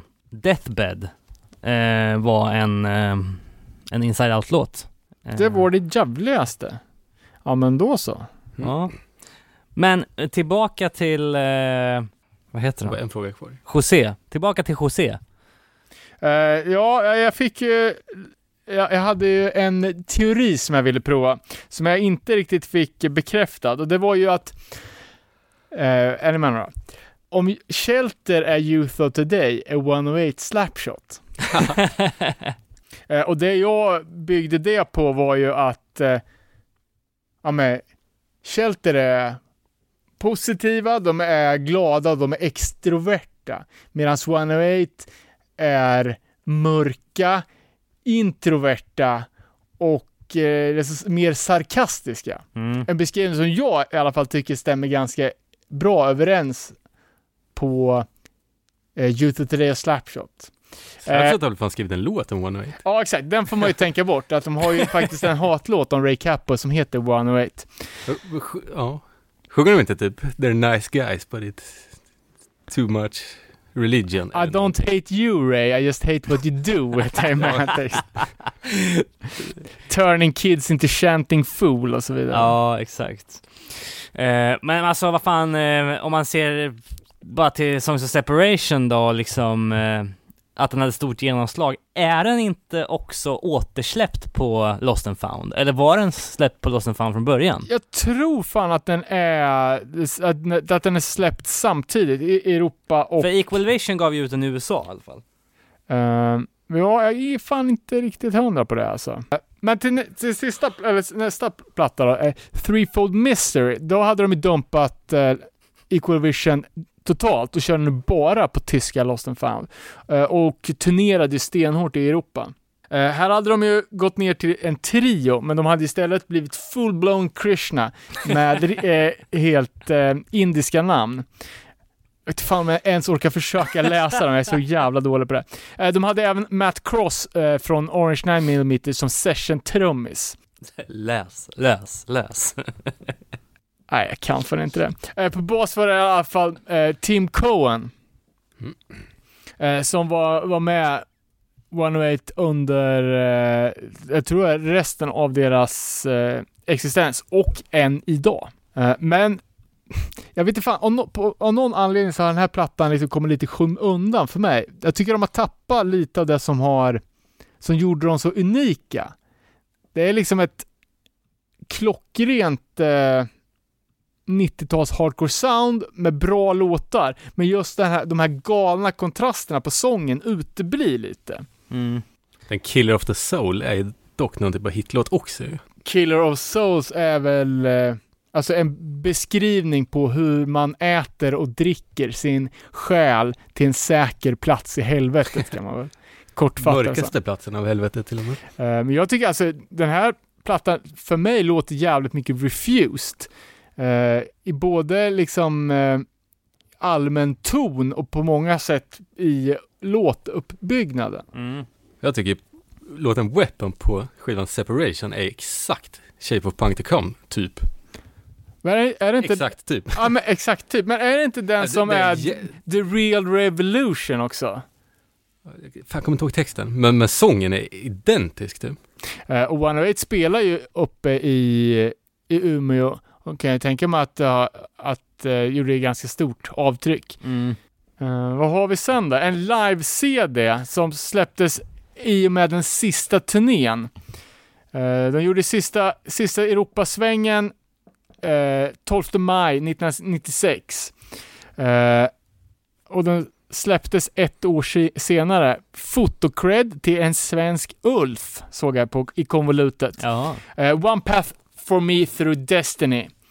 Eh, Lost and found igen där. Yes, och det här var en, en, en, eh, en tour eh, med två stycken inplockade stand-in snubbar. Mike Paradise, eh, inte vad jag känner, en trummis som jag inte känner ti- till sedan tidigare, men en gitarrist, Dan Hornecker, som sp- senare spelar med eh, bandet Hands Tied. Eh, Hornecker be- beskriver ju som eh, 108 som de mest sarkastiska människor han någonsin har träffat. Och det är kanske lite åt surpuppehållet. Är det den här turnén de har filmat eller? Precis. Eh, eller de gjorde ju en Europasväng som avslutades med, med några spelningar i USA. Och det är väl de spelningarna i USA som finns eh, på VHSen, 108 The Final Tour eller vad den kan heta. Det finns även på YouTube om man vill.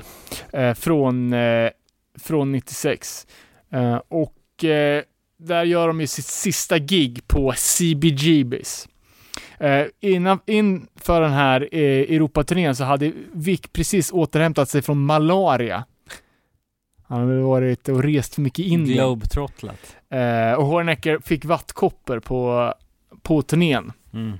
Något som inte är så bra i vuxen ålder. Nej, precis. Um, sen tog det väl ungefär tio år tills bandet var tillbaka med diskografi-CDn Creation, Substance and Destruction. Uh, Dubbel-CD med en ny osläppt låt. Det är Panic som är inspelad i The Dungeon, New York. Uh, inspelad av Evan Nowens, känd från Iceman bland annat. Just det. De har ju, de hann ju göra ett par appearances innan de släppte den här ehm, samlingsskivan. Eh, de, de var ju med på eh, bland annat en tributplatta till Misfits. Som Just kom det. 97, där de gör Death Comes Ripping. Eh, vilket, är det deras enda inspelade cover kanske? Eh, vet ej. Jag tror, ja, jag kan ha chans på det. Men eh, jag har inte lyckats hitta Nej, det är inte, det är inte alls. Curse of Instinct eh, CD-singeln är ju både Black Flag cover och Bad Brains cover. Så Ah, det är det okej. absolut inte. Ja, sen eh, pausar men, men är tillbaka. I samband med en, eh, ett Sverige-gig, bland annat, så släpper de ju en bränn-CD i 1008X. Eh, som är självbetitlad. Uh, en 10 låtars med lite låtar som kommer hamna på, på nästa fullängdare. Uh, New Beat from a Dead Heart och lite gammalt skåpmat, bland annat just de här coverserna från uh, Curse of Instinct. Instinct. Ja, Deadbeat-skivan, har ni några intryck? Nej men, vad ska man säga? Eh, första skivan med 108 jag hörde, jävligt bra överlag. Ehm, jag tycker, som- alltså som alltid, liksom, eh, Declarations on a Grave och Guilt, alltså så här öppningsspåren på, på plattan är ju eh, det jag har lyssnat mest på tror jag. Ehm, Känns som att de har lite simplifierat sina texter. ja, det är inte, alltså om man jämför med, eh, vad heter den? Men Är det inte mer politiskt? Typ? Ja, det är möjligt. Det är väl Ja, snarare mer, alltså, vad ska man säga, jämfört med Songs of Separation kanske lite mer tydlig. Ja, nej, men det är fan sant. Alltså för att alla låtar på de tidiga grejerna handlar ju bara om eh, Krishna-relaterade grejer. Låtar som Bible plus Gun, The American Ja, Dream, exakt. handlar ju liksom ja, då, om vapendebatten i USA. Precis. Eh, li, alltså det känns som att de vidgar vyerna lite utanför Krishna, liksom. Är det?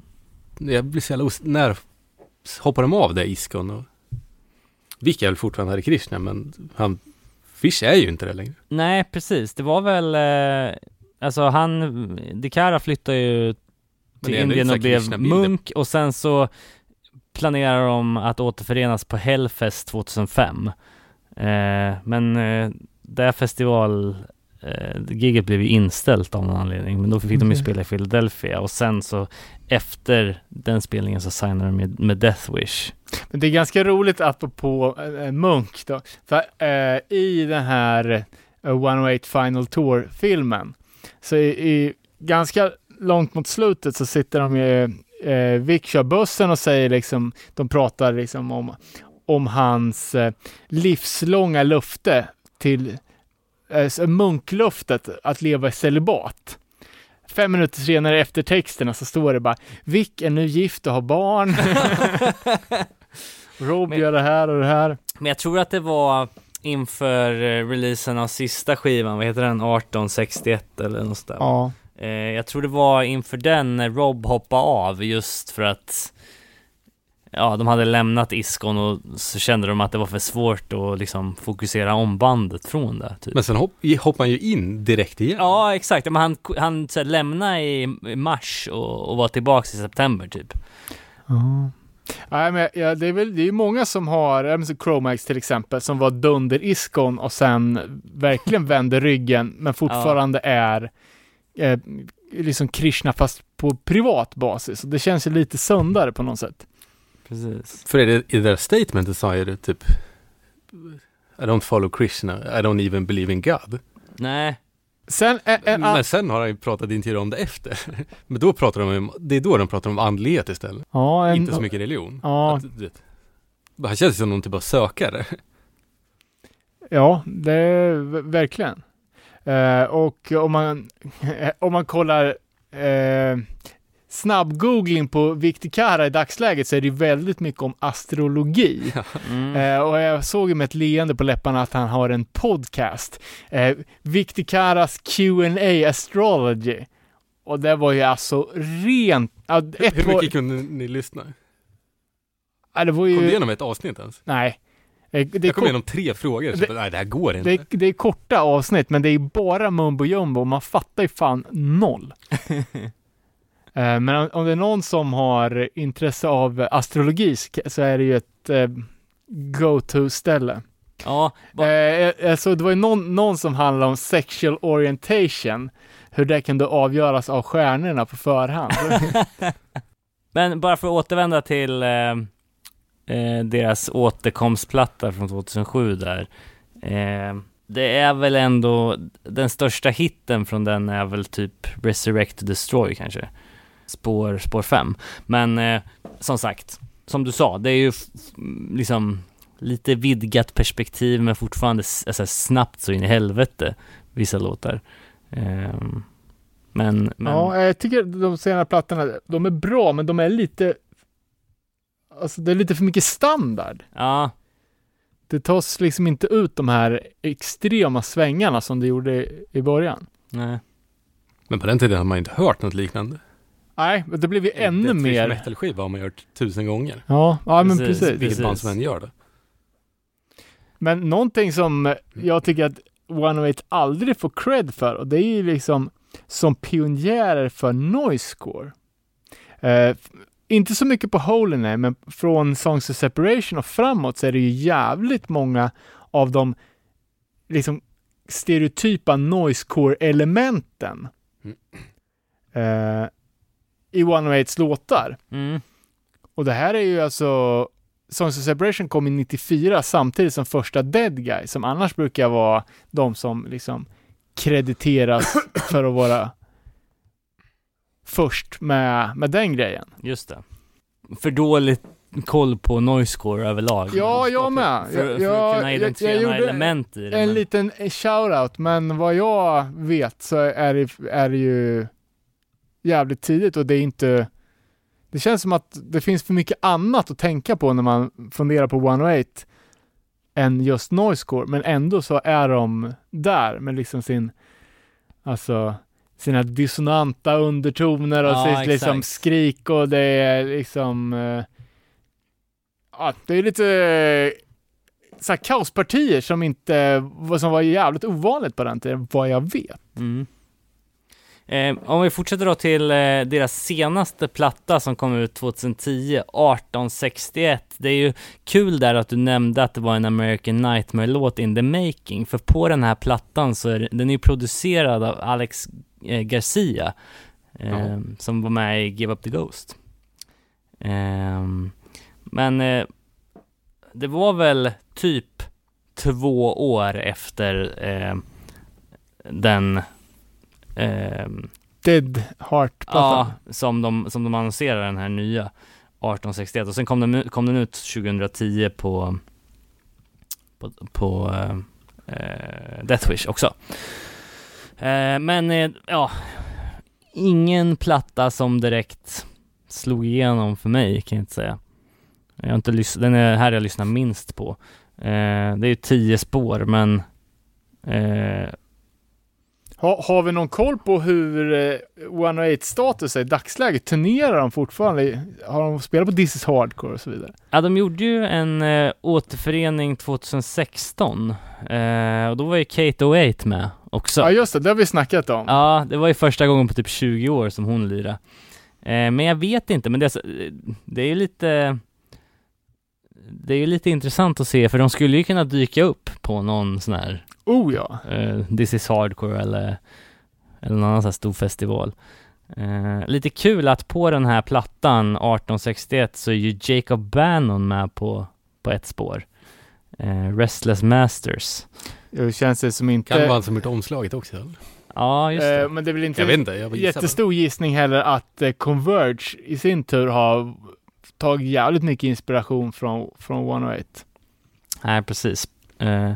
Och pl- plattan också, 1861, eh, alluderar ju till eh, det 61 kapitlet, eller 61 versen av det 18 kapitlet av Bhagavad Gitan. Kan du citera på sanskrit? Nej, men den, eh, den Vet du vad det passagen... handlar om? Just den passagen? Eh, ja, ehm, the controller of all lies at the heart of the... The controller of all lies at the heart of the machine and connects its wires to the living being who is under its spell.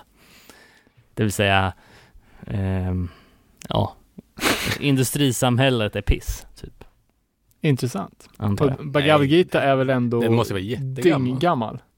Ja, ja, jag vet inte. The machine, vad menar man med det? Mänskligheten kanske. Kanske, ja. Det är alldeles för sent att ha någon, någon sån här diskussion nu. Ja, och eh, Robert Fish lämnar ju kort därefter att eh, den hade släppts. Eh, men kom sen tillbaks typ ett halvår senare. Eh, så att, ja, och, sen- har ju 108 gjort lite återföreningsspelningar som sagt 2016 där, men i övrigt vet jag inte om det är något nytt på gång. Om någon av våra lyssnare vet så får vi gärna hojta till. Men som sagt, det känns ju inte helt otroligt att att det- En This is Hardcore headline, för det skulle det fan kunna vara. Det hade Eh, varit kul att se också. ja, jag såg dem, de spelade på jävligt udda ställen när de spelade i Stockholm. Uh, Zinkensdamm har jag för mig någonstans. Ja, Globen. ja, precis. Nej, det var jävligt fett i alla fall. Ja men överlag då, det känns som att 108 kanske när de kom så förde de in eh, någonting nytt i hardcore-scenen, alltså i, i, liksom både i, soundmässigt men framförallt de här mörka, eh, liksom poetiska texterna som, eh, som Vick Vic skrev, liksom. Eh, Ja, stenhårt och emo på samma gång. Rått som få, men ändå väldigt skört och vackert på sina håll och alltså på vissa ställen helt jävla galet skulle jag säga. Mm. Och också intressant då om det är bara vi som sitter och spekulerar och kopplar ihop trådarna eller om det faktiskt var så att de var så himla inflytelserika på, ja, Abinanda absolut, men även Refused och sådär liksom hela Umeås. Säkert. Jag tror att One Eight har influerat band alltså från dag ett och fortfarande. Ja. Mm. De är ju ett jävligt stort band alltså. Och har väl, ja, de har ju en helt annan klangbotten än till exempel Shelter. Ja, som är mer så tuggummi-pops motsvarigheten. precis. Eh, ja men fan vad kul, det var intressant. Eh, vi, eh, vi satsar på att vara tillbaka om eh, två veckor igen då, får vi se vad vi biter tag i då. I övrigt så kan man ju alltid mejla oss på nerepanol.gmail.com om man har feedback, eller gå in på vår Facebook-sida, nere på noll, nere på noll podcast, eller skriva till oss på Instagram, eh, jag tror vi heter nerepanol där med. Eller köpa 45 000 följare till oss. Eh, ja, precis. Ja, det är mycket nu. Sen så kommer vi lägga ut att vi har t-shirtar kvar att sälja också. Så är man sugen på det så kan man hålla koll på vår Instagram. Där kommer det ut. Inte så Eh, många heller tror jag inte. Nej, vi får, vi får räkna ihop och se vad vi har. Eh, men fan, det var kul som alltid. Vi eh, hörs om två veckor igen. Yes. Peace out. God natt.